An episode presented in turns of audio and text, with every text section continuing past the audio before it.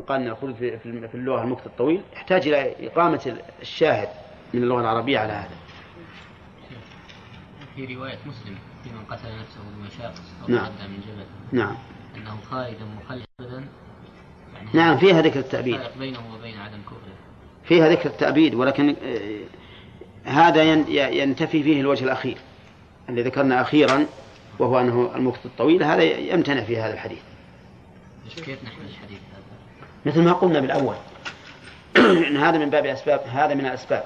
يعني فيه الأجوبة اللي سمعت سبعة أجوبة. الشيء أقربها للصواب خذ به طيب وين قرأتنا اليوم؟ نعم. فوزي. لو يعني شيخ أن المنتحر يدخل النار ما فائدة يعني الصلاة عليه؟ الصلاة يعني شفاعة. اي اي نعم. طيب وش تقولون في هذا؟ إذا كان قاتل نفسه يدخل النار فما فائدة الصلاة عليه؟ يعني يخفف عنه إيه. فائدة التخفيف؟ اي نعم.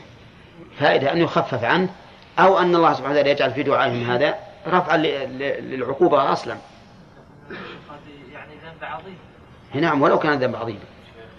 لأن صلاة المؤمنين أيضا إلا, شفعهم الله فيه ما دام هذا غير كافر فغير الكافر تنفع فيه الشفاعة. الخروج لمكة الطويل بعض مثال خلدت فلان في السجن إيه. ما في خروج لأن ما فيه مكة طويل ما هو على كل حال. أولا من, من تكلم بهذا. أقول من من قال هل هل العرب العرب العاربة قالوا خلدت فلان في السجن بمعنى أبقيته طويلا. أما كما تقول خلدته هذا طيب أنا أقول خلدته يوما. نعم. ذكر ابن تيمية عشر أسباب لارتفاع العقوبة؟ نعم. من التوبة. لمغفرة الذنب نعم. ذكر منها شفاعة المؤمنين؟ نعم. قد يعني. نعم صحيح. ما فيها شك أن أسباب المغفرة كثيرة. ثم قال وعن أبي هريرة رضي الله عنه في قصة المرأة التي كانت تقم المسجد. فسأل عنها النبي صلى الله عليه وسلم فقالوا ماتت فقال أفلا كنتم آذنتموني؟ فكأنهم صغروا أمرها.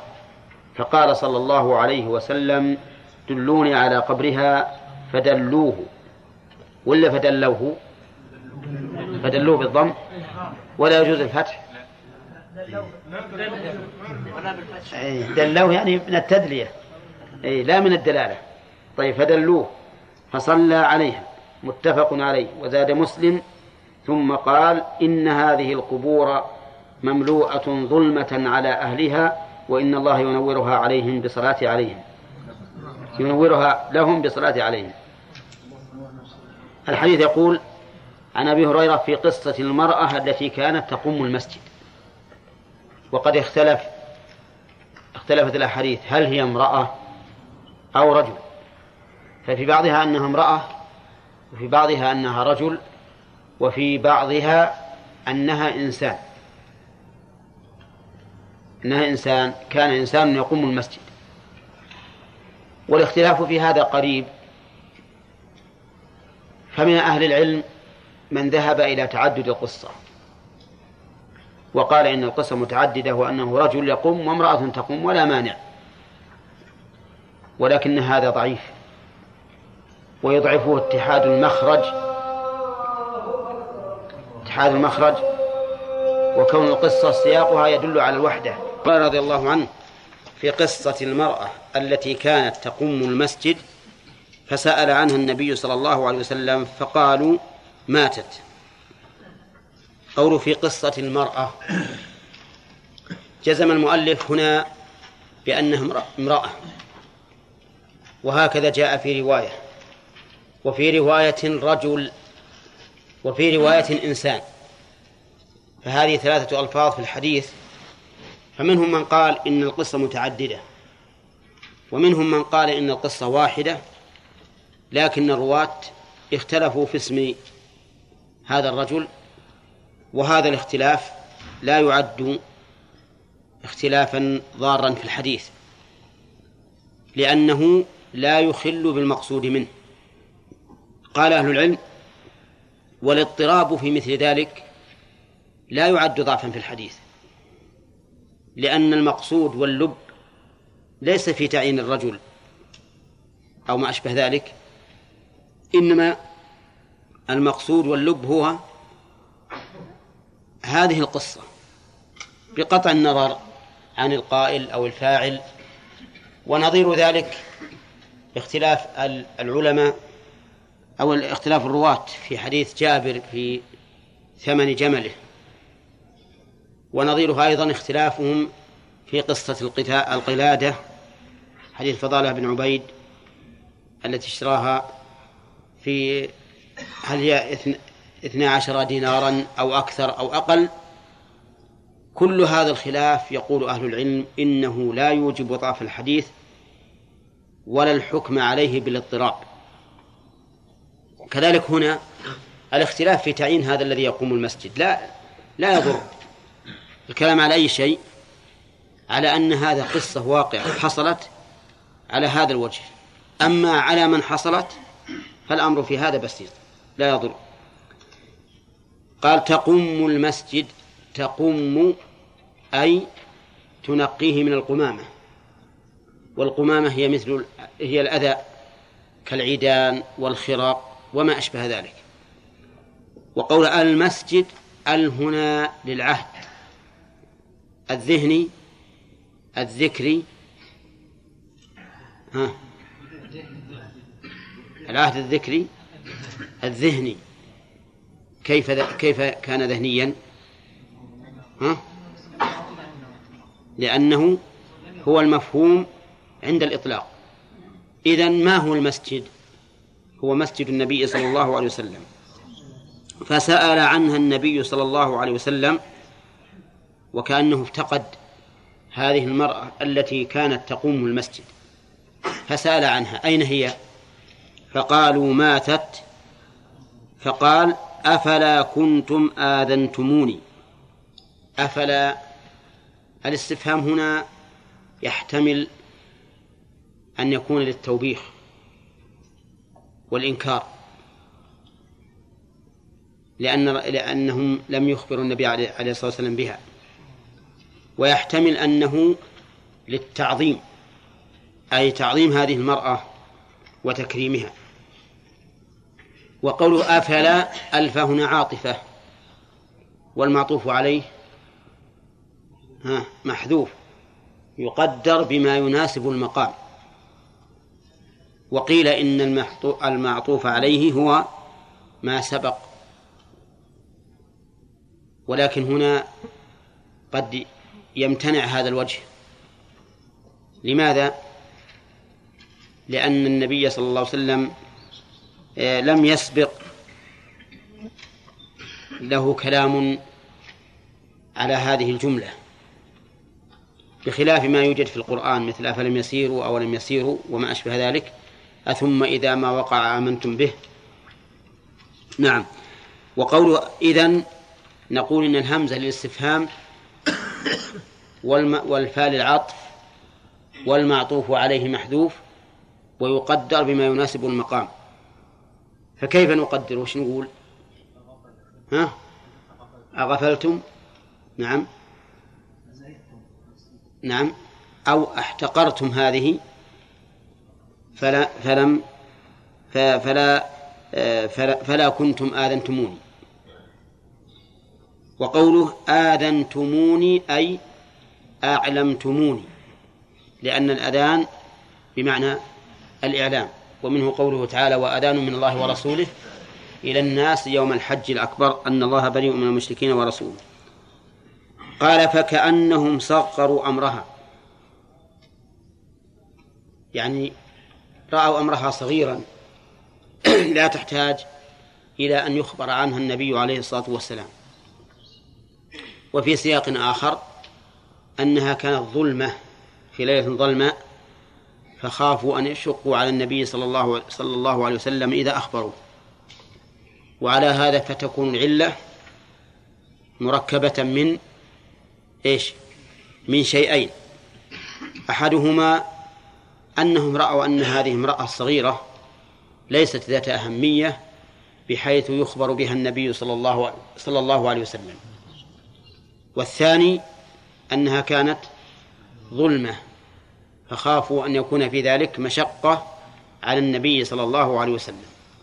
فتكون العلة إذن مركبة من من شيئين تصغير أمر المرأة وخوف المشقة على النبي صلى الله عليه وسلم. نعم. لا لا ما قالوا إنها منهي عنها ودفنوها في الليل. يقول ف ف فقال النبي صلى الله عليه وسلم دلوني على قبرها. دلوني على قبرها وهذا أمر وهو واجب التنفيذ على الذين خوطبوا به. لأنهم لو يعصون الرسول ويقول لا صار الأمر عظيما. فهناك فرق بين من يواجه بالخطاب ومن لا يواجه. فدلوه فدلوه ولا فدلوه؟ متى تكون فدلوه؟ ها؟ إذا كانت معتلة بالألف. صارت فدلوه نعم. أما إذا كان آخرها اللام فإنه يقال دلوه. فهي إذن ففعلها ماض على وزن فعل. نعم. أما دل فهي على وزن فعل. فعل. فهي رباعية. قال الله تعالى فدلاهما بغرور فدلوه فصلى عليها متفق عليه صلى عليها وهي في قبرها متفق عليه زاد مسلم ثم قال النبي صلى الله عليه وسلم إن هذه القبور مملوءة ظلمة على أهلها.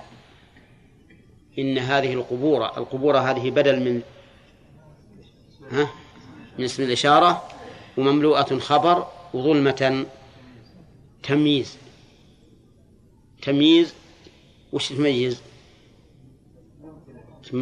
تميز نوع المملوء به. مثل لو أن لهم ما في الأرض نعم.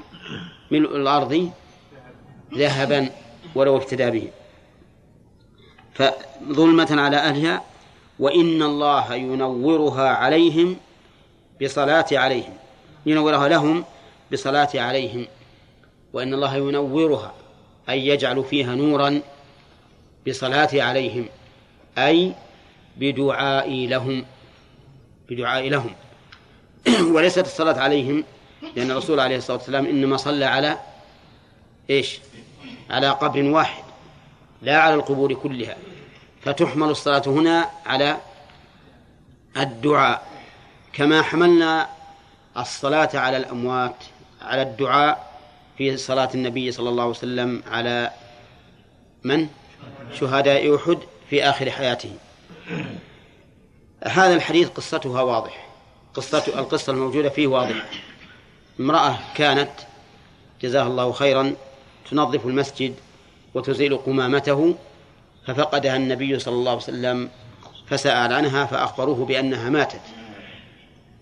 فكأنه بين علو شأنها أو وبخهم حين لم يعلموه بموتها. أما هم فلم يؤذنوا الرسول عليه الصلاة والسلام لأنهم صغروا شأنها وخافوا أيضا من المشقة على النبي صلى الله عليه وسلم لأن الليلة كانت ظلماء ولكن الرسول صلى الله عليه وسلم أمرهم أن يدلوه على قبرها. فدلوه فخرج فصلى عليها عليه الصلاة والسلام. وأخبر أن دعاء النبي عليه الصلاة والسلام لهذه القبور سبب ها لإنارتها لهم. أما ما يستفاد من الحديث فهو عدة مسائل كثيرة. منها مشروعية تنظيف المساجد بإزالة القمامة القمامة عنها. وجهه إقرار النبي صلى الله عليه وسلم على على ذلك. ولا فعل المرأة؟ إقرار النبي صلى الله عليه وسلم على ذلك. وقد سبق لنا أن فعل الإنسان الشيء في عهد الرسول صلى الله عليه وسلم يعتبر إقرارا لكن من الرسول إن علم به ومن الله إن لم يعلم به الرسول عليه الصلاة والسلام. وقد مر علينا في كتاب المساجد في حديث عائشة رضي الله عنها أن الرسول صلى الله عليه وسلم أمر ببناء المساجد في الدور وأن تنظف وتطير في الدور يعني في الأحياء وأن تنظف وتطير وعلى هذا فالمشروع تنظيف المساجد من الأذى مش بعد؟ وتطيبها يعني تحسينها وتزيينها ووضع الطيب فيها. لأنها أماكن عبادة فيتفرع على هذه الفائدة أنه ينبغي أن يجعل في المساجد ما يريح المصلين. نعم مثل التكييف أو المراوح إذا لم يكن هناك تكييف أو الأنوار أيضا إذا كان الناس يحتاجون إليها في الليل وما أشبه ذلك. لأن تطيب المسجد مما يريح المصلين فإن طيب الرائحة وإزالة الأذى لا شك أنه سبب لإراحة المصلين. نعم ومن فوائد الحديث جواز خدمة المرأة للمسجد. ما نقول الحريم لا يطب المسجد. نقول يجوز أن المرأة تخدم المسجد. من أين يؤخذ؟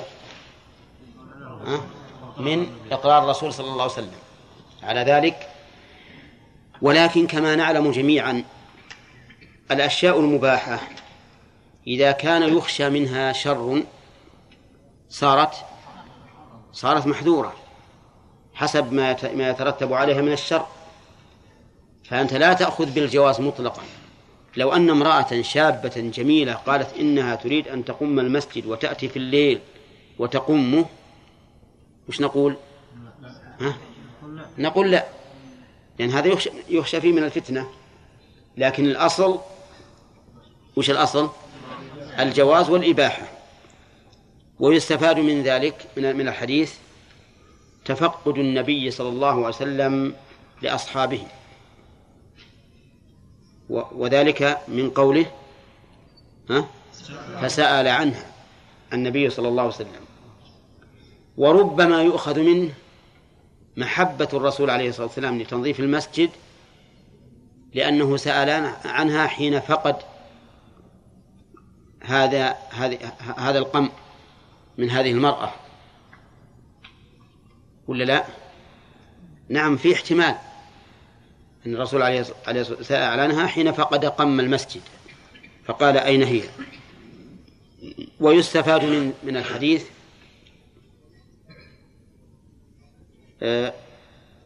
جواز الصلاة على القبر. من أين يؤخذ؟ من قوله فصلى على قبرها فصلى عليها. من قوله دلوني على قبرها إلى أن قال فصلى عليها. إذن فالصلاة على القبر مشروعة سواء كان ذلك من أهل البلد أو من إنسان قادم بعد أن مات الميت ودفن. ولا لا؟ لأن الرسول صلى الله عليه وسلم خرج وهو من أهل البلد. ولكن هل يشترط في جواز ذلك أن لا يكون الإنسان عالما بموتها؟ يعني بمعنى هل يشترط أن يكون الإنسان متمكنا من الصلاة على الميت قبل دفنه أو لا يشترط؟ لنفرض مثلا أن أحدا علم بموت فلان ولكنه قال أن إذا إذا صار غدا خرجت فصليت على قبره أما الآن فلا برايح لأني معزوم مثلا أو أني عندي دعوة وما أشبه هذا. ما تقولون في ذلك؟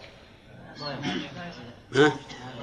قد نقول إنه لا يشرع لأن المشروع أن تصلي على الميت حاضرا فإذا لم يمكن صلي على قبره. نعم. وإلى متى الصلاة على القبر حدها بعض أهل العلم بشهر. وقال يصلى على القبر إلى شهر فقط.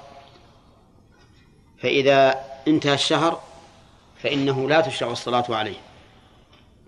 وعللوا ذلك بأن النبي صلى الله عليه وسلم صلى على قبر إلى شهر. استدلوا لذلك بهذا الحديث. صلى على قبر إلى شهر. قالوا وهذا دليل على التحديد. ولكننا لا نسلم لهذا القول. لماذا لا نسلم؟ لأن صلاة النبي صلى الله عليه وسلم إلى إلى على القبر إلى شهر إنما وقع اتفاقا لا قصدا. وما وقع اتفاقا فإنه لا يصح أن يكون حدا. انتبه لهذه القاعدة. كل شيء وقع اتفاقا فإنه لا يصح أن يكون حدا إلا أن يكون هناك دليل على منع هذا الشيء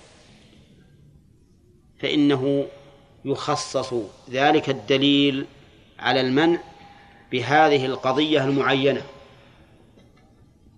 يعني لو كان هناك دليل على أنه لا يصلى على الميت على القبر كنهي مثلا. ثم وجدنا أن الرسول صلى الله عليه وسلم صلى على قبر إلى شهر. وش نقول؟ نقول نبقي العموم على عمومه ونخصه بهذه الصورة المعينة فقط. لكن ما هناك دليل يقول لا تصلوا على القبور. إلى مدة كذا أو لا تصلوا على القبور أبدا. وعلى هذا فما وقع اتفاقا. نعم. لا يصح أن يكون حدا. ومن ذلك تحديد بعض أهل العلم الإقامة التي تمنع أو التي ينقطع بها أحكام السفر بأربعة أيام. استدلالا بماذا؟ استدلالا بأن الرسول عليه الصلاة والسلام قدم إلى مكة في اليوم الرابع في في حجة الوداع وكان يقصر الصلاة. قالوا فما زاد على الأربعة لا يجوز قصر الصلاة فيه. فيقال لهم لو كان الرسول عليه الصلاة والسلام أعطانا حكما عاما أن الإقامة في البلد تمنع أو تنقطع بها أحكام السفر؟ لكنا جعلنا الأربعة أيام حدا. أما لم لما لم يرد ذلك وقد وقعت القضية اتفاقا فإنه لا يصح أن تكون حدا. طيب إذن إذا قلنا إنه لا يحدد بشهر فبكم؟ إلى يوم القيامة؟ نعم. أي أي وقت تحدده ستطالب بالدليل. ها؟ إلى سنة؟ ها؟ لا ما هو قصدي في مسألة القصر إلا في مسألة الدفن. آه الصلاة على القبر. ها؟ نعم. إلى أن إذا كان يوم مات هذا والشخص موجود فهو يصلي عليه. قد إيه؟ بعضهم قال إنه يصلي إلى سنة وبعضهم قال يصلي إلى الأبد. ما في تقدير. نعم.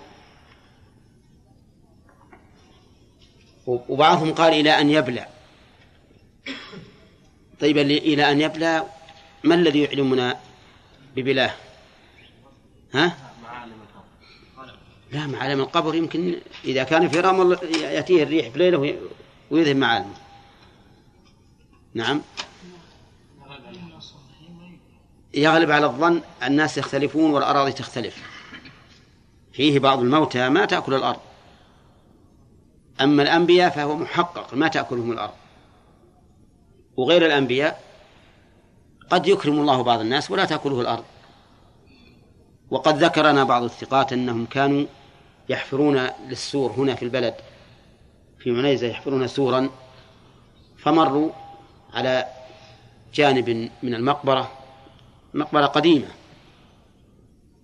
فلما حفروا عثروا على قبر فوجدوا فيه ميتا قد بليت أكفانه ولكن جسمه باق كله حتى يقولون شعر لحيته باقي ووجدوا منه رائحة ما لها نظير. سبحان الله العظيم. هذا الميت. فتوقفوا وجاءوا إلى القاضي قاضي البلد قديما وأخبروه الخبر وقال لهم ادفنوه على ما هو عليه و يعني الجدار اصرفوه يمينا أو شمالا. فمن الناس من لا تأكله الأرض. والتقييد بالبلا فيه نظر أيضا لأن إحنا ما نصلي على جسمه نصلي على روحه ولهذا لو أن هذا الرجل احترق نهائيا أو أكلته السباع نصلي عليه. لكن ذكر بعض أهل العلم كلاما كما قال الأخ غانم يقول إذا كان هذا المقبور مات وأنت أهل للصلاة على الميت فصل عليه. وإن مات قبل أن تكون أهلا للصلاة على الميت فلا تصلي عليه. لأنه حين موته وأنت من أهل الصلاة فهي مشروعة في حقك. مثلا لو كان هذا الميت له عشرون سنة وعمرك تسعة عشرة سنة نعم لم يشرع لك الصلاة عليه. لأنه مات وأنت لم تخلق. أو لك أربع سنين لا تصلي عليه لأنه مات ها قبل أن تكون من أهل الصلاة عليه. ولهذا لا يشرع لنا نحن الآن أن نصلي على النبي صلى الله عليه وسلم على قبره صلاة الميت ولا على قبر أبي بكر ولا عثمان ولا غيرهم من الصحابة لأنهم ماتوا قبل أن نخلق. وهذا القول هو أحسن الأقوال عندي. أن يقال إذا كان هذا المدفون قد مات وأنت من أهل الصلاة عليه فصل عليه. لأنك لأنه حين موته كنت مخاطبا. بالصلاة عليه. أما إذا كان قد دفن قبل ذلك فلا. نعم.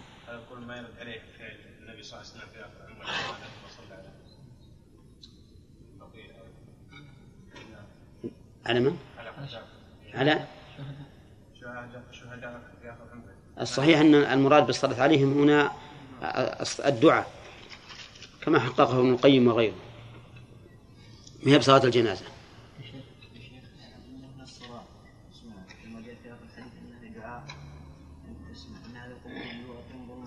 اصبر ما بعد وصلنا ما وصلنا طيب ومن فوائد الحديث جواز الإخبار بالمي بموت الميت. لقوله أفلا كنتم آذنتموني؟ وعلى هذا فيحمل النهي عن النعي على ما كان معروفا في الجاهلية. إذا مات الميت خرجوا في الأسواق وقالوا مات فلان مات فلان تشييدا لذكره وإشهارا له. فهذا هو المنهي عنه. ومن ذلك ما يفعله الناس الآن في الصحف. نخليه لين يأتي الحديث. طيب ومن فوائد الحديث أنه ينبغي لمن عمل عملا عاما فيه مصلحة عام عامة أن يشاد بذكره وأن يحترم ويعظم. وجه ذلك؟ ها؟ أن الرسول صلى الله عليه وسلم قال هل لا كنتم آذنتموني؟ وأنه أمرهم وأنه أمرهم أن يدلوه على قبرها حتى صلى عليه. ومن فوائد الحديث أن من يصلي على القبر يجعل القبر بينه وبين القبلة. لا عن يمينه ولا عن شماله ولا خلف ظهره. من أين يؤخذ؟ من قوله فصلى عليه. والمعروف أن الصلاة على الميت يكون الميت هو الإمام هو الذي بينك وبين القبلة. ومن فوائد الحديث أن الرسول صلى الله عليه وسلم لا يعلم الغيب لا ما وقع ولا ما لم يقع. من أين يؤخذ؟ أفلا كنتم آذنتموني؟ ودلوني على قبرها لأنه لو كان يعلم الغيب لعلم بموتها. ولو كان يعلم الغيب بما وقع لكان عرف القبر. فالرسول عليه الصلاة والسلام لا يعلم الغيب لا بما وقع ولا بما لم يقع. وشاهد هذا كثير في القرآن وفي السنة أنه لا يعلم من الغيب إلا ما علمه الله به. ومن فوائد الحديث أن من صلى على الميت لا يعيد الصلاة عليه مرة أخرى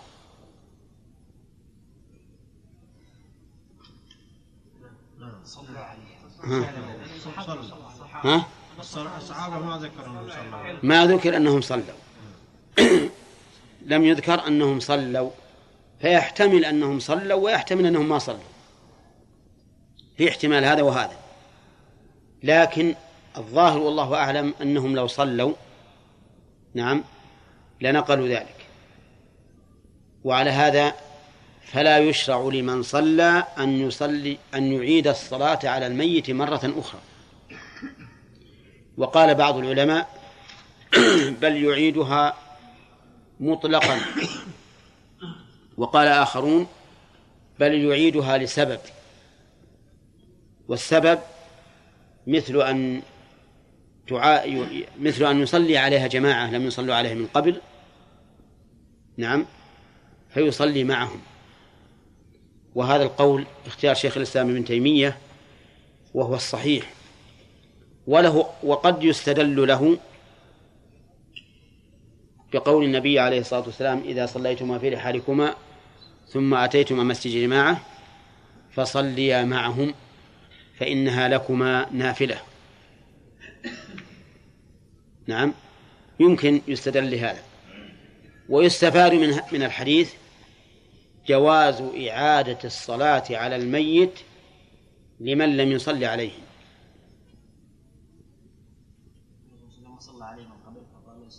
لأن لم يصل صلى عليها مع أن الصحابة كانوا قد صلوا عليها من قبل. ومن فوائد الحديث أيضا أن القبور قد تكون قد تكون ظلمة حتى بالنسبة لقوم صالحين. من أين يؤخذ؟ لأن أهل البقيع كلهم من الصحابة. وقال إن هذه القبور مملوءة على أهلها ظلمة. فلا تغتر بالعمل. فإن العمل ليس هو كل شيء. فهؤلاء الصحابة خير القرون. قد تكون مملوءة قد تكون قبورهم مملوءة ظلمة كما أخبر بذلك النبي عليه الصلاة والسلام. ومن فوائدها من فوائد الحديث أن الدعاء للأموات ينفعهم.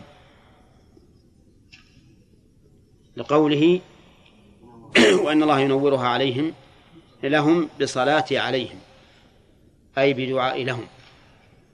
ومن ذلك أن يقول الإنسان اللهم افسح لهم في قبورهم ونورها عليهم أو نور لهم فيها وما أشبه ذلك. فهذا من من مما ينبغي للإنسان أن يدعو به سواء دعا به حين زيارة المقبرة أو دعا به في بيته مثلا وفي صلاته أن الله سبحانه وتعالى يفسح لأموات المسلمين في قبورهم وينور لهم فيها. وهل يؤخذ من الحديث أن الرسول صلى الله عليه وسلم يعلم الغيب؟ ما يؤخذ؟ طيب وش هذه القبور مملوءة ظلمة؟ إحنا ما نعلم. نعم. نعم. نقول إذا كان الرسول عليه الصلاة والسلام لم يعلم بما حدث على ظهر الأرض من موت المرأة وقبرها فكيف يعلم بما في باطن الأرض؟ ولكننا نحن نعلم أن الرسول صلى الله عليه وسلم أخبر بذلك. أخبر بهذا. ومن فوائد الحديث جواز ذكر المكروه النازل في قوم إذا كان على سبيل العموم. كيف؟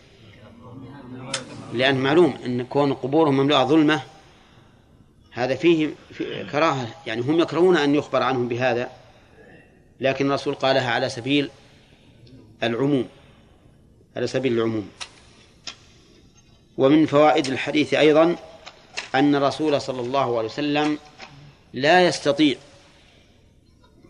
أن يجلب الخير لأحد ولكنه سبب من الأسباب. من من أين تأخذونها؟ فإن الله ينورها. فأضاف التنوير إلى من؟ إلى الله سبحانه وتعالى. ومن فوائد الحديث إثبات الأسباب. بصلاة عليهم لأن الب هنا للسببية. فالحديث هذا فيه فوائد كثيرة في الحقيقة. وربما لو تأمل الإنسان وجد فوائد أخرى أكثر مما ذكرنا. نعم. لكن من الفوائد ما يكون ظاهرا ومنه ما يكون قريبا ومنه ما يكون بعيدا. ولكن مهما أمكن من الاستدلال بالسنة أو بالقرآن فإنه أولى من الاستدلال بالنظر والقياس. لكن بشرط أن يكون اللفظ محتملا لذلك. أما أن تحمل اللفظ ما لا يحتمل فهذا لا يجوز. نعم. قولنا شيخ إنه يشرع الإنسان يصلي على كل من مات وهو أهل الصلاة عليه. نعم. ما يمكن أن يعارض الواحد بأنه النبي عليه الصلاة والسلام ما كان من هديه انه إن قلنا يشرع ولا يجوز؟ نعم. لا التعبير بيجوز. ما هو ما يشرع إلا إذا كان هناك سبب. التعبير ذكرنا أنه يجوز. ولكن إذا كان هناك سبب فإنه يشرع. كما في هذا الحديث هذا الحديث شرع لما في ذلك من من التنويه بهذه المرأة وبيان أن من عمل عملا ينتفع المسلمون به فله حق أن يكرم ويعظم. نعم. في المقابل يعني ها؟ إيه وش تقولون؟ يعني أنه ينبغي لمن كان في المقبرة أن يذكر ما فيه الترغيب أو الترهيب ها؟ لا ممكن يؤخذ لأن الرسول قالها حين حين صلى عليه على هذه المرأة نعم وله أيضا شاهد وهو أن الرسول خرج في جنازة رجل من الأنصار فوصلوا إلى القبر ولما يلحد فجلس النبي صلى الله عليه وسلم وجلس الصحابة حوله وأخذ من كتب مخصرة معه ثم حدثهم عن حالة الاحتضار وعما يكون على الإنسان في ذاك الحال أو في تلك الحال. نعم هذا مشروع. والرسول عليه الصلاة والسلام قال زوروا القبور فإنها تذكركم الآخرة. وهو حقيقة. وهو حقيقة أنها تذكر الآخرة. فإن الإنسان يمشي بين هؤلاء كانوا بالأمس على ظهرها كما هو بل كانوا أقوى منه وأغنى منه. نعم وأعلم منه وهم الآن مرتهنون بأعمالهم. فلا شك أن أنها عبرة. لكن لمن اعتبر؟ القرآن كما قال الله عز وجل يا أيها الناس قد جاءتكم موعظة من ربكم وشفاء لما في الصدور وهدى ورحمة المؤمنين لكن مع ذلك يتلى على قوم فيزيدهم رجسا إلى رجسهم والعياذ بالله ما ينتفعون به. فالمقابر التي نمر بها كل يوم إلا من شاء الله إلا ما شاء الله تجد أكثر الناس غافلين. ما كأنهم يمرون إلا على أحجار منصوبة على أرض. ما كأن هؤلاء القوم على الدنيا وهم أكثر منهم ترفا وتنعما وقوة في البدن وفي العقل. ومع ذلك أصبحوا الآن جثثا في بطون القبور ما يستطيعون زيادة في حسناتهم ولا نقص سيئة من سيئاتهم. فهي عبرة فالموعظة في هذا المكان لا شك أنها مناسبة. لكن كوننا نقول يقوم واحد من الناس ويخطب ويعظ هذا ليس ليس بصواب.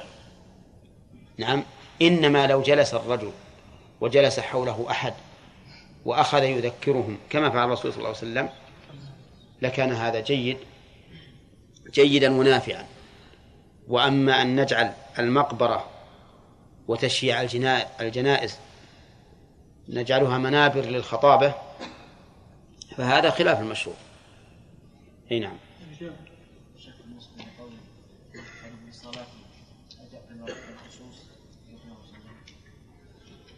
مو هو بالظاهر. يمكن نقول ان الجزم بأنها تتنور لا شك إن هذا من خصائص الرسول عليه الصلاة والسلام. أما نحن فندعو لهم. ستأتينا إن شاء الله في قصة النجاشي حديث أبي هريرة. لكن نعم يؤخذ منها أن أن أن من في البلد لا يصلى عليه صلاة الغائب. ولا لا؟ ما يمكن؟ أن من مات في البلد لا يصلى عليه صلاة الغائب. وإلا لصلى النبي عليه الصلاة والسلام عليها ولم يخرج. نعم. في تحديد الصلاة على الامات هل يقال بمجرد معرفته وقدرته على الصلاة.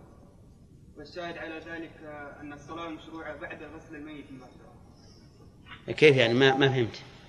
يعني يصلي على الميت الشخص الذي لم يستطع أن يصلي على الميت يصلي عليه بمجرد معرفته وقدرته على الصلاة. يعني الميت الحاضر؟ لا ها. إذا دفن. إذا دفن؟ يصلي عليه متى؟ كان غائب. نعم. فيصلي عليه بمجرد معرفته وقدرته. ها يعني بمعنى أنه لا يتأخر. لا يتأخر بمجرد بعد يعني يعني أنه يجب أن يصلي عليه من حين أن يعلم. يعلم. الشاهد أن الصلاة مشروعة بعد غسل الميت مباشرة. أما الصلاة على الميت بعد غسل مباشرة فل- فل- فللضرورة لأنه لا بد أن يدفن. السعو بالجنازة وأما ها؟ ما فيها وجه ما ما أظنها فيها وجه. يعني الإنسان مو لازم يعلم لكن الذي أشرنا إليه في الفوائد أنه إذا تمكن من الصلاة عليه قبل الدفن ولكنه فرط وتهاون فإننا قد نقول إنه لا يشرع له أن أن يصلي على القبر لأن الصلاة على القبر إنما وردت في حال في حال ها؟ أي نعم نعم. ها؟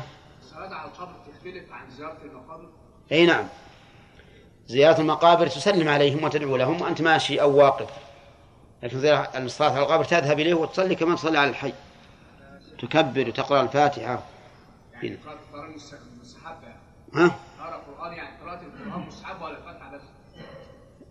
في صلاة على الميت؟ يعني لا أبدا ولا ولا يشرع فيها قراءة أبدا. ولا الفاتحة ولا غير الفاتحة. يقصد في الصلاه يا شيخ لا لا. يقصد في زيارة المقبرة. لا ما فيها قراءة. شوف بالنسبة للصلاة وله بصلاة؟ الصلاة يحتمل أن الصلاة مشروعة أو الدعاء. الدعاء الدعاء. ما تحتمل مثل لا ما تحتمل في هذا السياق ما تحتمل.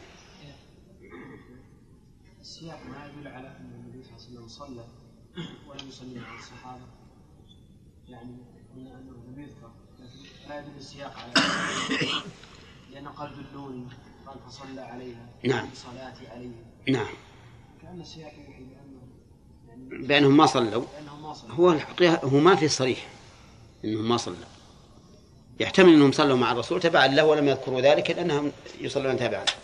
ويحتمل إنهم ما صلوا وهذا قد يكون هو أقرب للظاهر اللفظ. قد يكون هو أقرب لظاهر اللفظ. الاسراع في حال الإمكان في الصلاة على من لم يستطع يعني الصلاه عليه. نعم.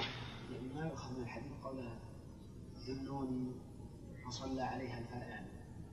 يعني ما تأخر النبي صلى الله عليه وسلم. هو لا شك إنه أفضل. الصلاة على الميت من حين من حين ما تعلم أفضل. لكن هل نقول إنه إذا تأخر لا يصلي عليه؟ هذا محل نظر. ما استفاد لأن الذي يوسخ المساجد. إيه. وش تقولون في هذا؟ هل يؤخذ من الحديث أن من وسخ المسجد فهو يأثم؟ بالعكس يؤجر يعني ان- انتظروا حتى نجيب المؤذن في هذا الفائدة أنه يؤخذ من الحديث أن من ألقى الأذى في المسجد يكون آثما ها؟ ليس بواضح ها؟ ها؟ كيف ذلك؟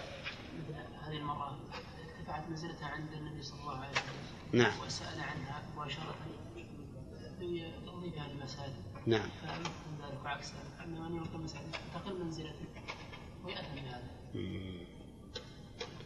الرسول عليه الصلاة والسلام ذكر نحو من هذا. قال وفي بضع أحدكم صدقة. إنسان إذا أتى له, صدقة. قالوا يا رسول الله يأتي أحدنا شهوته ويكون له فيها أجر؟ قال أرأيتم لو وضعها في الحرام؟ أكان عليه وزر. فكذلك إذا وضعها في الحلال كان له أجر. فكونه يؤجر إذا عدل عن الحرام إلى الحلال وربما نقول أيضا إذا عدل عن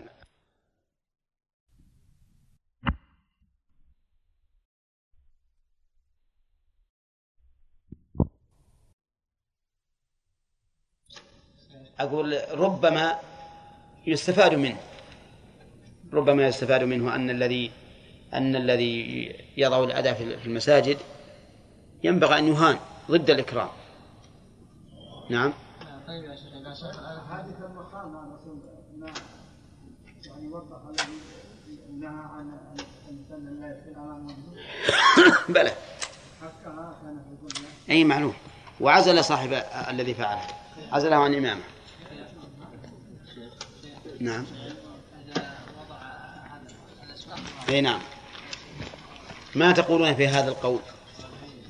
ها؟ أنتم فاهمين كلامه؟ يقول وضع السور على المقابر. ها؟ وضع السور على المقابر. هذا من حرص على العلم بيدنا عشان المقابر. ما يوجب غفلة الناس عنها. ها؟ طيب إذا إذا قالوا نحن نريد حماية القبور نقول كما قال الأخ احموها بالشبك. احموها بالشبك. ثم فيه بعد مشكلة أنا عندي قد تكون إذا صار في مثلا فيه قبر أو قبرين. ووضعنا هذا هذا السور ربما يشبه إيش؟ البناء على المساجد على على القبور. ما بقى بس حط السقف ويكون بناء تام. والله هذا رأي جيد الحقيقة. أنا عندي هذا من أحسن ما يكون. لو أنه يضع شبوك على هذه لكان فيه أولا أن الناس يرون يشاهدون القبور. وفيها أن القبور تحمى. وفيه أيضا توفير للدولة. أرخص. أي نعم. والسلام. والسلام يا شيخ. ها؟ والسلام بعد. أي. جدر أي. لكن عاد جاب خلف عاد يمكن ضعيف الشوف بالليل يقول ما أخاف نصدم هالشبوك وندخل على القبور.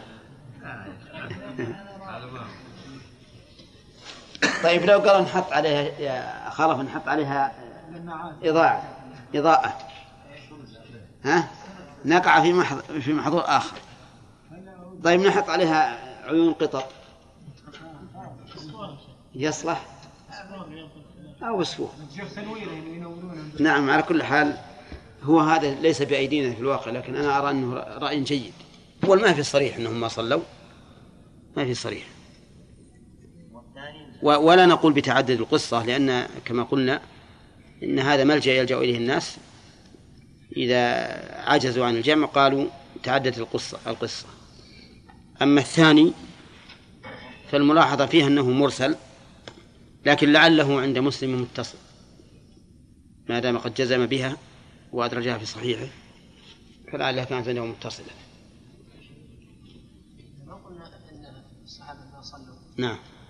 هو ذكرنا خلاف ذلك قلنا يعني إذا اقوال انه لا يصلى مطلقا. لا إلا وش قلنا بالفائدة. ما قلنا ظاهر ما صلوا. نعم ما صلى نعم. نعم. أما أما حكم هذا فذكرنا فيه الأقوال الثلاثة. أي نعم. ما يصير قصة ابن عباس هذه هي القصة؟ إلا إلا. إن هي هذه هذه هي. اللي صلوا. هي هذه. إي نعم.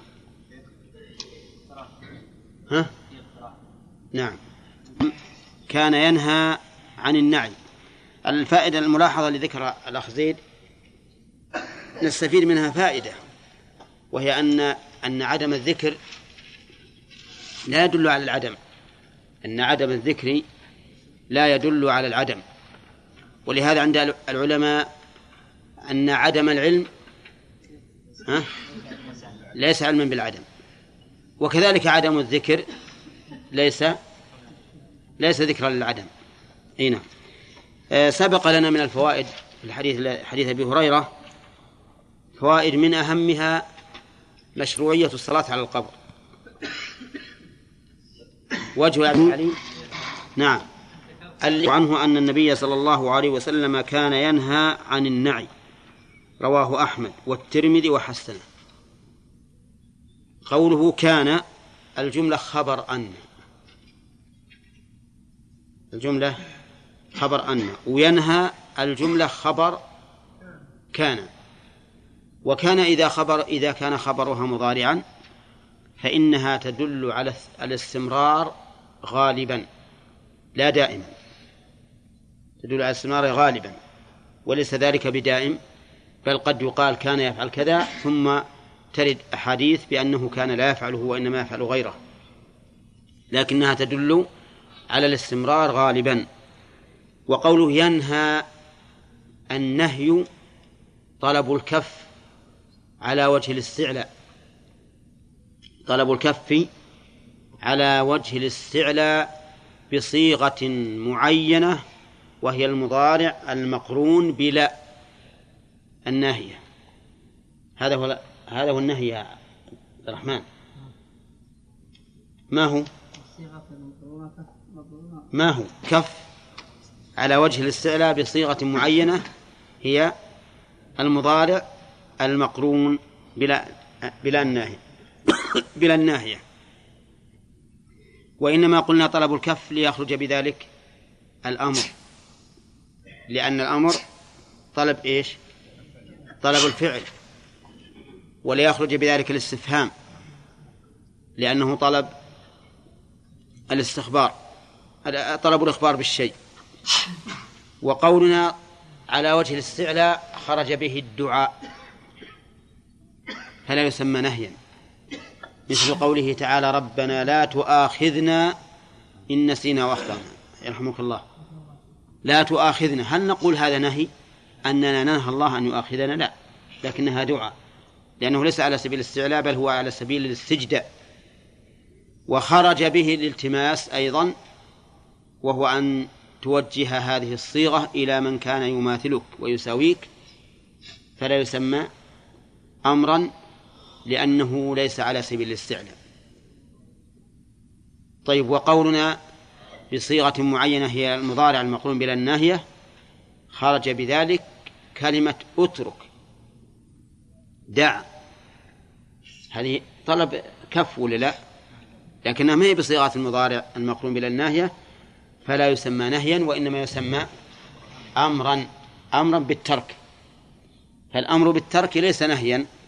لأن النهي له صيغة معينة وهي المضارع المقرون بلا الناهية. وقولنا على وجه الاستعلاء ولم نقل من عال على من دونه لأنه قد يأتي إنسان هو دونك لكن يكون له فرصة يستعلي عليك كما لو أمسك لص أمسك اللص سلطانا سلطانا خرج يتمشى وحده فأمسكه لص. نعم. وقالوا يلا احفر لي الأرض هذه وطلع منها كذا وكذا. أيهم أعلى؟ ها؟ السلطان أعلى في الواقع. لكن هذا اللص ها؟ استعلى. استعلى يعني معناه أنه تكلف العلو. ولا ليس من شيمته. ولا من من حاله. طيب إذن الرسول صلى الله عليه وسلم إذا قال لا تفعلوا كذا فهو على سبيل الاستعلاء. لا أنه عليه الصلاة والسلام متكبر مترفع الخلق لكن أمره فوق أمورنا أو فوق نعم فوق أمورنا وهو مبلغ عن الله سبحانه وتعالى. وقوله ينهى عن النعي هل هذه الصيغة كما لو قال الراوي؟ قال النبي صلى الله عليه وسلم لا تنعوا موتاكم. ها؟ الصحيح أنها كذلك. أنها كقول الراوي قال النبي صلى الله عليه وسلم لا تنعوا موتاكم. وأما من قال إن هذا قد يكون فهما من الصحابي وأن الرسول ما نهى لكن كره النهي النعي مثلا أو ما أشبه ذلك فليس صريحا في النهي فإن هذا ليس بصواب. ذلك لأن الصحابة أدرى بصيغ الألفاظ لأنهم عرب لأنهم عرب فصحاء. ولأن الصحابة أورعوا من أن يقولوا نهى أو ينهى وهم لم يتأكدوا من ذلك. أليس هكذا؟ أي نعم. إذن فقول الصحابي كان ينهى مساو لقوله قال النبي صلى الله عليه وسلم لا تفعلوا كذا ولا فرق لما ذكرت لكم. وقوله عن النعي النعي هو الإعلام بموت الشخص. الإعلام بموت الشخص. وكلمة أن ال هل هي لبيان الحقيقة؟ أو للعهد. إن قلنا لبيان الحقيقة وقعنا في مشكلة. إن قلنا إنها لبيان الحقيقة وقعنا في مشكلة. وإن قلنا للعهد زال عنا الإشكال. كيف ذلك؟ إذا قلنا إنها لبيان الحقيقة صار النهي واردا على النعي من حيث هو نعي. وحينئذ يشكل علينا قول الرسول عليه الصلاة والسلام أفلا كنتم آذنتموني؟ وقول فيما و و في والحديث التالي نعى النبي صلى الله عليه وسلم النجاشي في اليوم الذي مات فيه. وإذا قلنا إن أل للعهد زال الإشكال. فما هو العهد هنا؟ ذكري أو حضوري أو ذهني. ذهني. عهد ذهني. يعني عن النعي المعهود المعروف في الجاهلية. كانوا إذا مات الميت خرجوا في الأسواق مات فلان ويكيلون له من المدح والثناء ما قد لا يكون أهلا له. لكنهم يطوفون في الأسواق نعم وعلى الأحياء يعلمون الناس بموته. هذا هو الذي نهى عنه الرسول عليه الصلاة والسلام. وبناء على ذلك فليس في الحديث شيء مشكل. فيكون النهي النعي الذي نهى عنه الرسول عليه الصلاة والسلام هو النعي إيش؟ المعروف في الجاهلية. يخرجون إلى الأسواق وفي الأحياء مات فلان ويذكرون من الثناء عليه. ما قد يكون أهلا له وقد لا يكون أهلا له. يستفاد من هذا الحديث نهي النبي صلى الله عليه وسلم عن النعي وهل هو للكراهة أو للتحريم؟ الأصل في النهي التحريم كما أن الأصل في الأمر الوجوب. هذا هو الذي عليه كثير من أهل الأصول. واستدلوا بأدلة منها قوله تعالى يا أيها الذين آمنوا أطيعوا الله وأطيعوا الرسول. ومنها قوله تعالى فليحذر الذين يخالفون عن أمره أن تصيبهم فتنة أو يصيبهم عذاب أليم. الفتنة قال الإمام أحمد أتدري ما هي؟ الفتنة الشرك. لعله إذا رد بعض قوله أن يقع في قلبه شيء من الزيغ فيهلك. نسأل الله العافية. وهذا خطير. لا سيما إذا رد الإنسان قول الله ورسوله كراهية له. فإنه قد يخرج به ذلك إلى الكفر. فالمهم أن أكثر الفقهاء أو الأصوليين يقولون إن الأصل في النهي التحريم والأصل في الأمر الوجوب. نعم. وعلى هذا فإذا وردت آية نصوص من الكتاب والسنة أمر يقول هي واجبة افعل. وإن لم تفعل فأنت آثم. ما لم يوجد دليل. دليل يدل على أن هذا الأمر ليس للوجوب. وسواء كان الدليل بلفظ متصل أو بلفظ منفصل أو بفعل المهم أن يأتينا دليل يدل على أنه ليس للوجوب وكذلك نقول في النهي. وقال بعض الأصوليين إن الأصل في الأمر الاستحباب والأصل في النهي الكراهة. وعللوا ذلك بأنه لما أمر به الشارع صار مطلوبا. فثبتت المشروعية. والتأثيم بالترك يحتاج إلى دليل. والأصل براءة الذمة وعدم الإثم. فإذا إذا لم يرد دليل على أن هذا الأمر للوجوب إما بعزم من الشارع أو بتوبيخ على تركه أو ما أشبه ذلك فإن هذا هذا الشيء المأمور به يكون مستحبا لا واجبا. وكذلك قالوا في النهي ولا شك أن الأمر أن الأمر فيه إشكال سواء قلنا بأن الأصل الوجوب أو قلنا بأن الأصل الاستحباب في الأمر والأصل التحريم في النهي أو الكراهة لا بد أن يمر بك شيء قد تعجز عن الجواب عنه. إن قلت بالوجوب ورد عليك أوامر كثيرة كلها إيش؟ للاستحباب. وإن قلت للندب ورد عليك أمور كثيرة كلها للوجوب. وحينئذ لا بد من أن يكون الإنسان فاحصا وفاهما لموارد الشريعة ومصادرها ومآخذها حتى يتمكن من أن هذا للوجوب أو للاستحباب وهذا النهي وهذا النهي للكراهة أو للتحريم. والمسألة صعبة ولهذا تجد العلماء يكون بينهم معارك من الخلاف نحو هذا الأمر. تجد هذا يقول هذا واجب لأن الرسول أمر به والأصل في الأمر الوجوب. ثم يقول الثاني هذا مستحب لأن الأصل عدم التأثيم وبراءة الذمة. ولكننا نقول بصفة التعبد أو بمقتضى العبادة لله عز وجل إذا أمرك الله بأمر ها فافعله فافعله.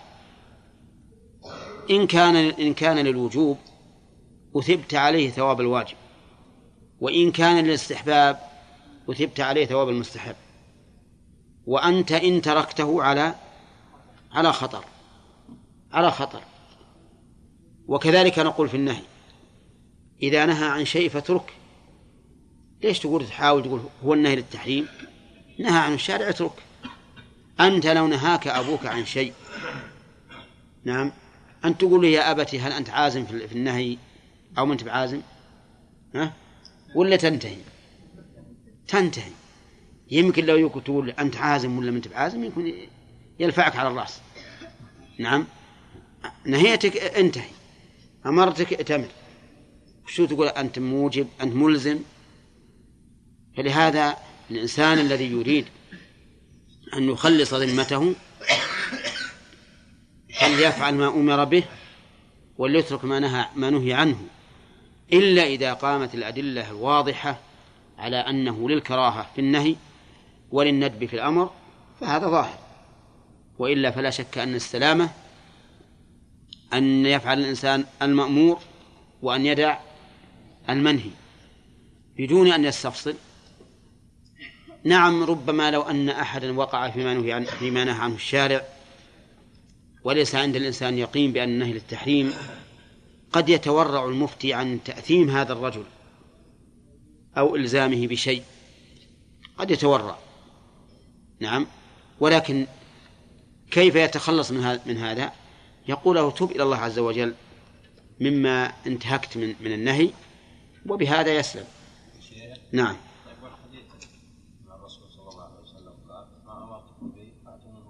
نعم. وما عنه نعم. هذا من أدلة القائلين بأن النهي للتحريم لكنهم يقولون يردون عليهم ذلك. يقول فاجتنبوا هل الأمر للوجوب أو للاستحباب؟ أو منترزة عن المسألة.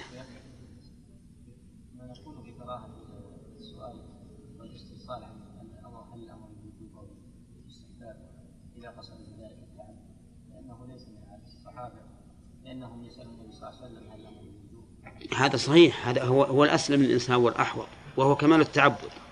امرت فافعل نهيت فاترك لكن أحيانا يجبرونك الناس. يقول هل تؤثمني إذا تركت؟ أنا ما فعلت.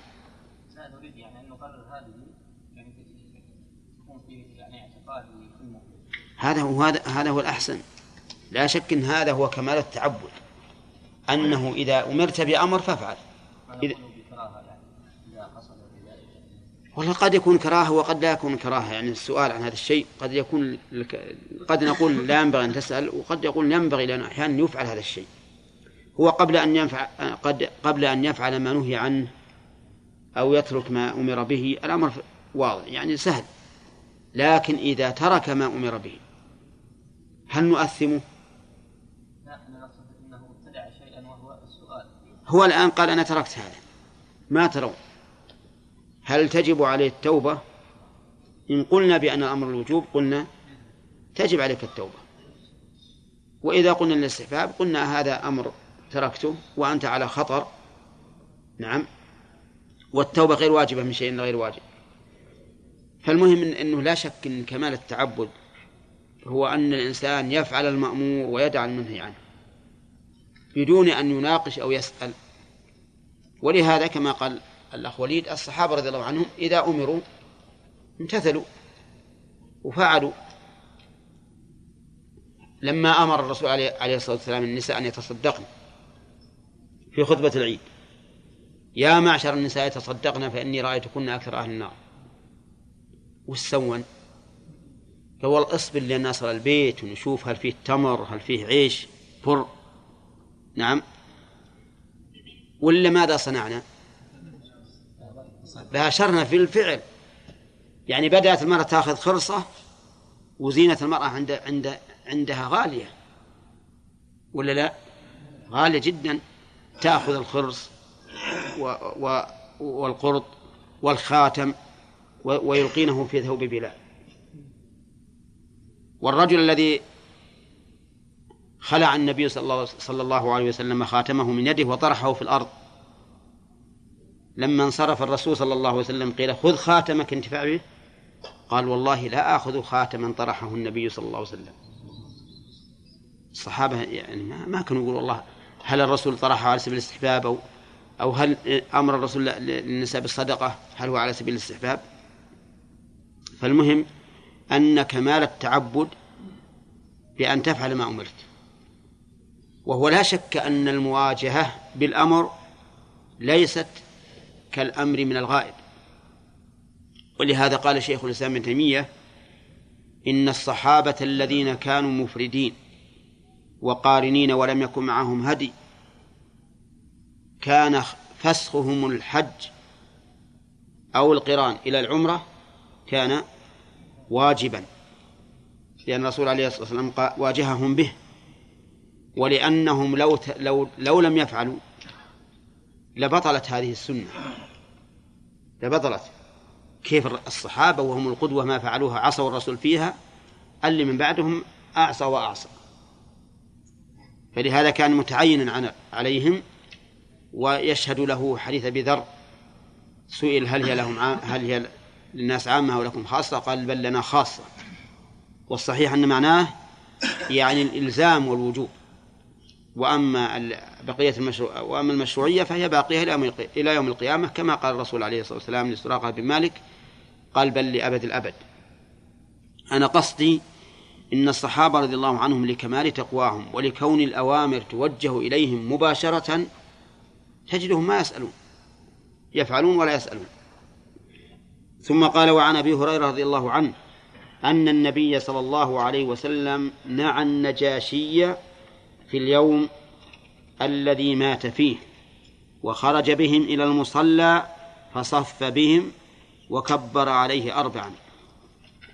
نعى النجاشي يعني أخبر بموته أخبر بموته في اليوم الذي مات فيه. جاءه تلفون ولا لا؟ ها؟ وحي من الله عز وجل. أعظم من التلفون وأسرع وأصدق وأبين. أخبره الله عز وجل بأن هذا الرجل مات. والنجاشي اسم اسمه أصحمة. وكان ملكا للحبشة في أفريقيا. وقد أكرم الذين هاجروا من الصحابة إليه. أكرمهم. ولا شك وأسلم رضي الله عنه. لكنه لم يرى النبي صلى الله عليه وسلم. ففاتته رتبة الصحبة إلا أنه أكمل من التابعين لأنه أدرك عهد النبوة والعدل أن يعطى كل إنسان ما يستحق. فالذي أدرك عهد النبوة وشاهد النبي صلى الله عليه وسلم هذا صحابي أعلى المراتب والذي لم يدرك العهد دون ذلك. والذي أدرك العهد ولم يجتمع بالرسول عليه الصلاة والسلام بين المرتبتين.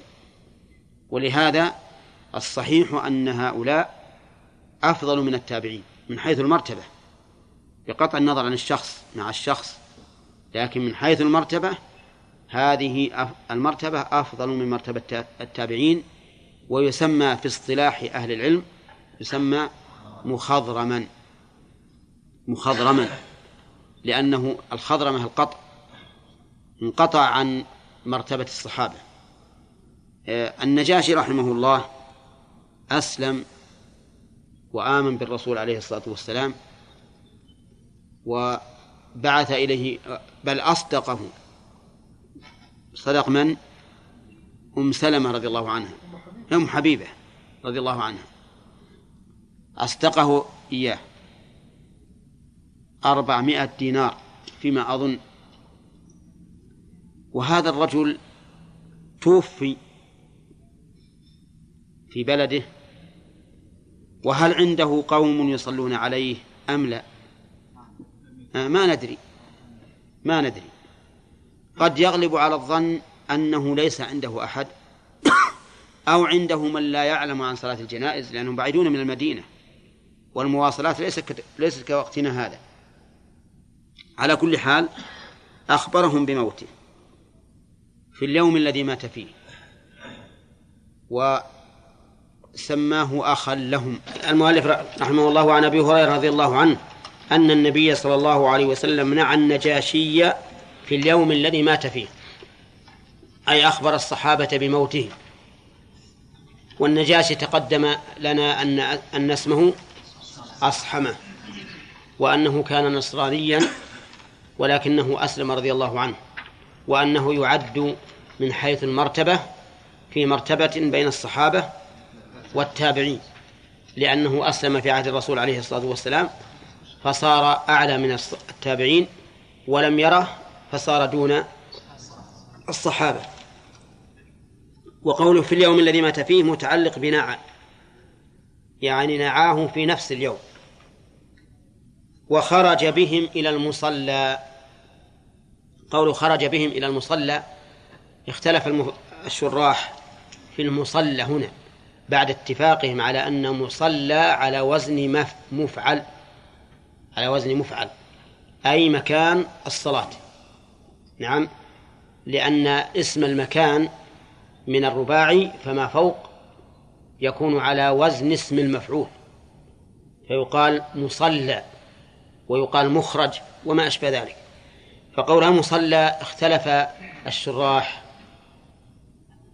يا ياسر اختلف الشراح في في المراد به. فقيل إن المراد به مصلى الجنائز. وقيل إن المراد به مصلى العيد. فرجح الأول بأن هذه صلاة جنازة فكان الأنسب أن تكون في مكان في المكان الذي تصلى يصلى فيه على الجنائز. ورجح الثاني بأن أل للعهد والمعهود في عهد الرسول عليه الصلاة والسلام عندما يقال المصلى فهو مصلى العيد. وأما مصلى الجنائز فيقيد بالإضافة ويقال مصلى الجنائز. فهذا ما يرجح أن المراد به مصلى العيد والحكمة من ذلك هو إعلاء شأن هذا الرجل. لأن الناس إذا خرجوا إلى مصلى العيد ليصلوا عليه اشتهر وارتفع ذكره بين الناس كما هو معروف.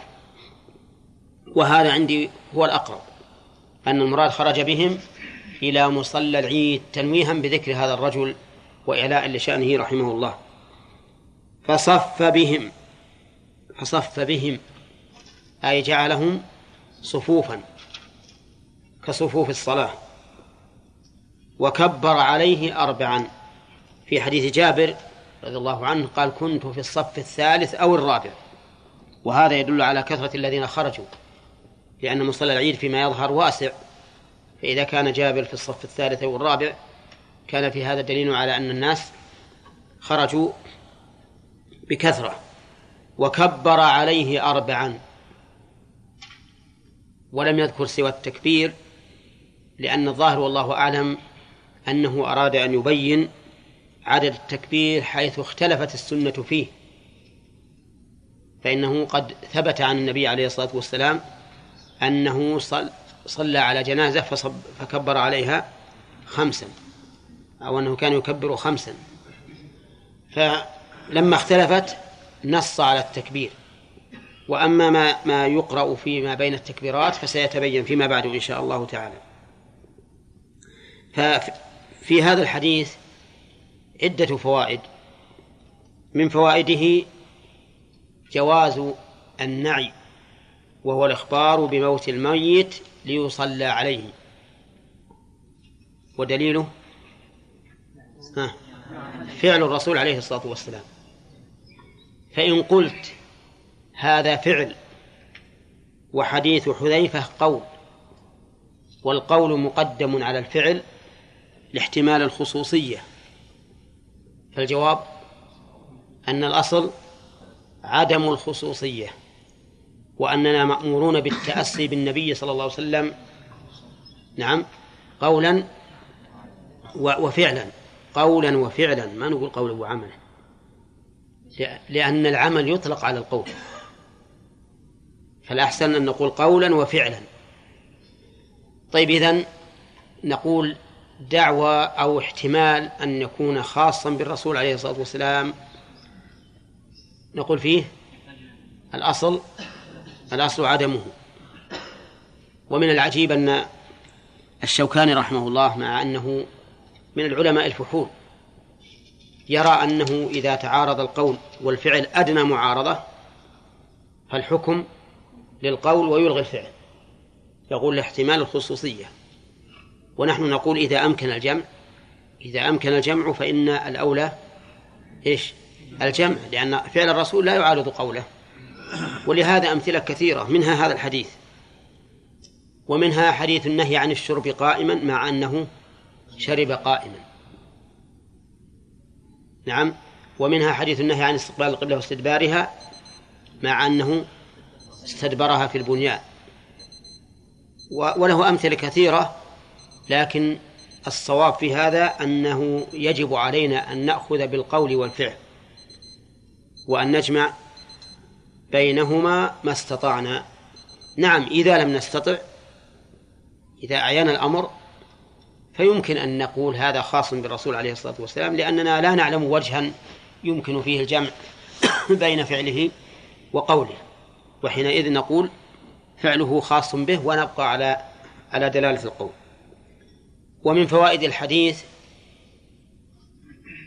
فضيلة النجاشي رحمه الله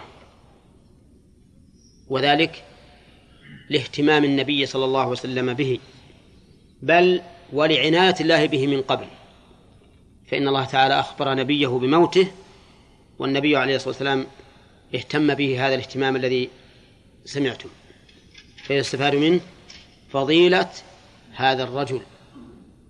وربما يستفاد منه فضيلة صلاح السلطان وأن للسلطان أهمية في صلاحه لأن هذا الرجل ليس رجلا عاديا بل هو ملك للحبشة. فلهذا اهتم به الرسول عليه الصلاة والسلام فقد يؤخذ منه الاهتمام بماذا؟ بصلاح السلطان. ولا شك أن صلاح السلطان له أهمية عظيمة.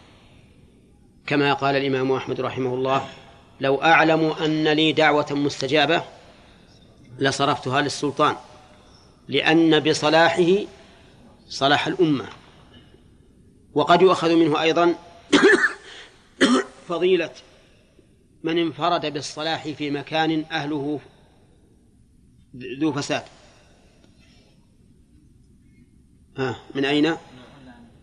لأن النجاشي رحمه الله كان في مكان أهله أهل, أهل شر وفساد وهو رحمه الله صالح ولا شك أن الصلاح في موضع الفساد له فضل وأهمية ولهذا ورد في الحديث عن الرسول عليه الصلاة والسلام طوبى للغرباء طوبى للغرباء الذين يكونون في الناس كالغرباء الناس أهل شر وفساد. وهذا أهل صلاح كأنه غريب في هذا البلد. نعم ورد أيضا في أيام الصبر أن للعامل فيهن أجر خمسين من الصحابة. ولا شك أن انفراد الإنسان بالصلاح في موضع يكثر فيه الفساد أنه من نعمة الله عليه وأن له شأنا ينبغي أن يهتم به ليكون ذلك تشجيعا لغيره وكذلك تقوية لهذا الرجل الذي صلح في مكان الفساد. ويستفاد من الحديث مشروعية الصلاة على الغائب. نعم. أو جواز الصلاة على الغائب. وهذه المسألة اختلف فيها أهل العلم على أقوال ثلاثة. فمنهم من يرى أنه يشرع الصلاة على كل غائب أيا كان هذا الغائب. إذا مات ميت في في بلد فإنه تشرع الصلاة عليه مطلقا ولو كان من عامة الناس. وبناء على ذلك رأى بعض أهل العلم رحمهم الله أنه ينبغي للإنسان إذا أراد أن ينام أن يصلي صلاة الجنازة وينوي بها الصلاة على كل من مات من المسلمين في هذا اليوم والليلة. عرفتم؟ هذا قول. القول الثاني أنه لا تشرع الصلاة مطلقا على من مات إلا إذا علمنا أنه لم يصلى عليه. أو بعبارة أصح إلا إذا لم نعلم أنه صلي عليه. إذا لم نعلم أنه صلي عليه. والثالث أنه تشرع الصلاة على كل من له قدم صدق وإصلاح ونفع في الأمة كالعالم الكبير والتاجر النافع للناس بماله والسلطان وما أشبه ذلك.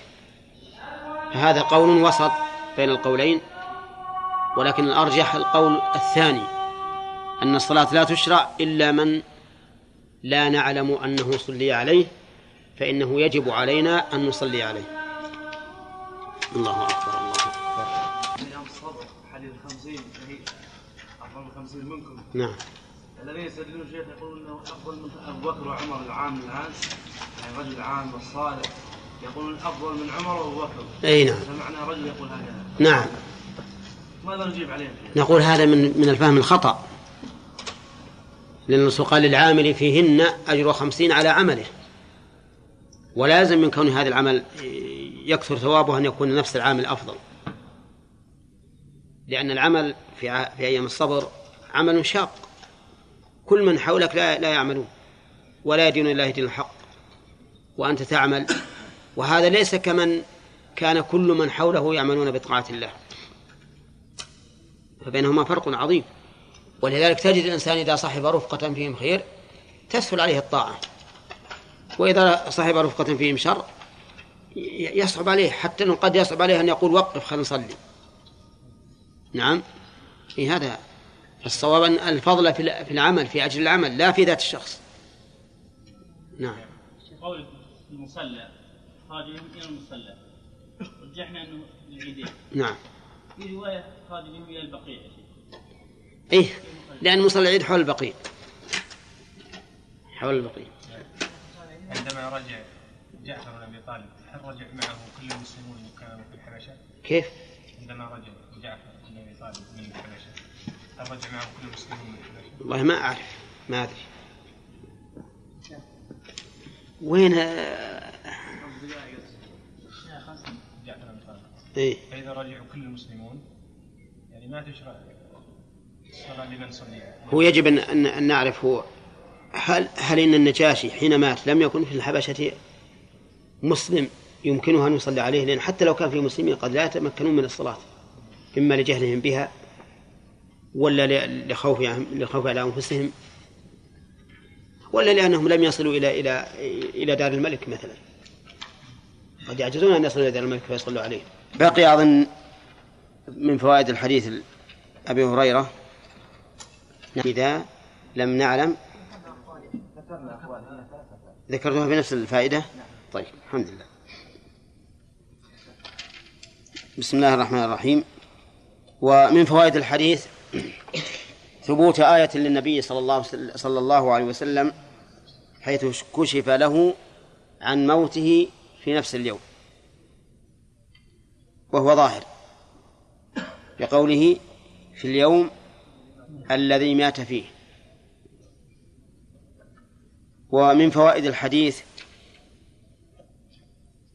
أنه تجوز الصلاة على الميت في مصلى العيد. بناء على أن المصلى في الحديث هو مصلى العيد. وفيه أيضا التنويه. بفضل النجاشي لأن أمر النبي عليه الصلاة والسلام أو لأن خروج النبي صلى الله صلى الله عليه وسلم بهم إلى المصلى هذا يوجب أن يكون له ذكر وشهرة بين المسلمين.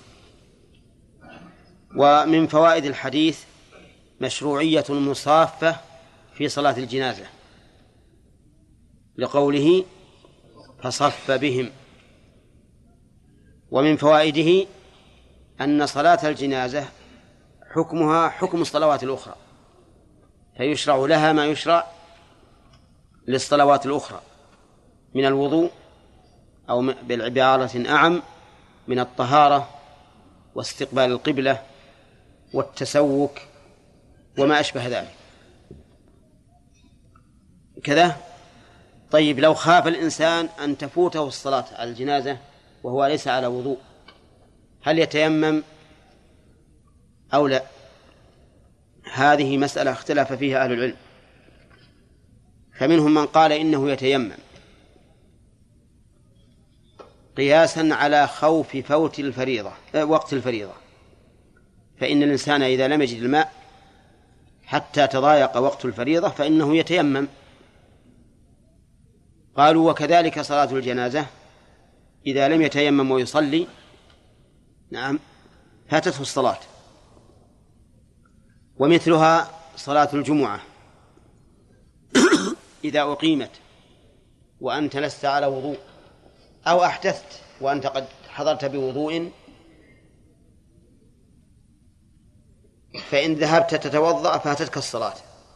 وإن تيممت وصليت أدركت الصلاة. فهذه أيضا محل موضع خلاف بين العلماء. شيخ الإسلام رحمه الله يقول كل صلاة تفوت. إذا تطهر الإنسان لها فإنه يتيمم لها. وقاس ذلك على خوف فوات المفروضة المؤقتة. فعلى هذا القاعدة نقول إن من خاف أن تفوته صلاة الجمعة. إذا ذهب يتوضأ له ها أن يتيمم ويصلي ويصلي الجمعة. ولا يذهب فيتوضأ فتفوته الصلاة ثم يصلي ظهرا. ومن فوائد الحديث مشروعية التكبير على الجنازة الجنازة أربعا لقوله وكبر عليه أربعا وهل تجوز الزيادة؟ سيأتي إن شاء الله تعالى بيانها في الحديث الذي يأتي. ثم قال وعن ابن عباس رضي الله عنهما قال على صلاة الجمعة ما يختلف في كونها صلاة هنا يمكن أن يصلي عليها وحده ما يمكن يصلي عليها وحده إلا إلا كان صلاة غائب أو أو على قبر على قبر. أي نعم. والصلاة على الحضور هي الأصل. ولهذا قال هل لا كنتم آذنتموني؟ فالصلاة على القبر عند الضرورة فقط لو كان هو يصلي على الجنازة قبل أن لو لو تمكن نعم في هذه الحال لا يتوضأ لا لا يتيمم. نعم؟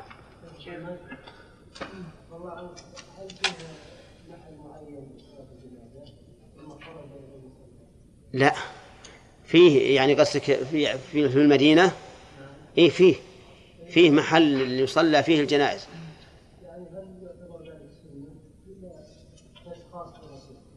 لا لا. سنة بقى. يعني قصده أنه يتخذ مصلى خاص للجنائز هذا سنة طيب. ولا سيما إذا كان قريبا من المقبرة حتى يكون أسهل على الناس. لأنه إذا إذا كان المصلى هناك اجتمع الناس فرادى في نفس المصلى. ثم دفنوه. ولكن عمل الناس الآن كما ترى يصلون عليه في المساجد وهو جائز. نعم. بعض الناس يذهبون ها؟ إيه أصلاً أصلاً. نعم نسيت. إذا نسيت جزاكم الله خير فذكروني. أنا ترى قبل أنسى. ما في السؤال الآن إلا قبل الأذان بخمس دقائق. انتبهوا. نعم. وعن أبي هريرة رضي الله عنه وعن ابن عباس رضي الله عنهما قال سمعت النبي صلى الله عليه وسلم يقول ما من رجل مسلم يموت. فيقوم على جنازته أربعون رجلا لا يشركون بالله شيئا إلا شفعهم الله فيه. نعم. قوله ما من رجل مسلم يموت. كلنا يعلم أن ما من حيث الإعراب. ها؟ لا اسم موصول.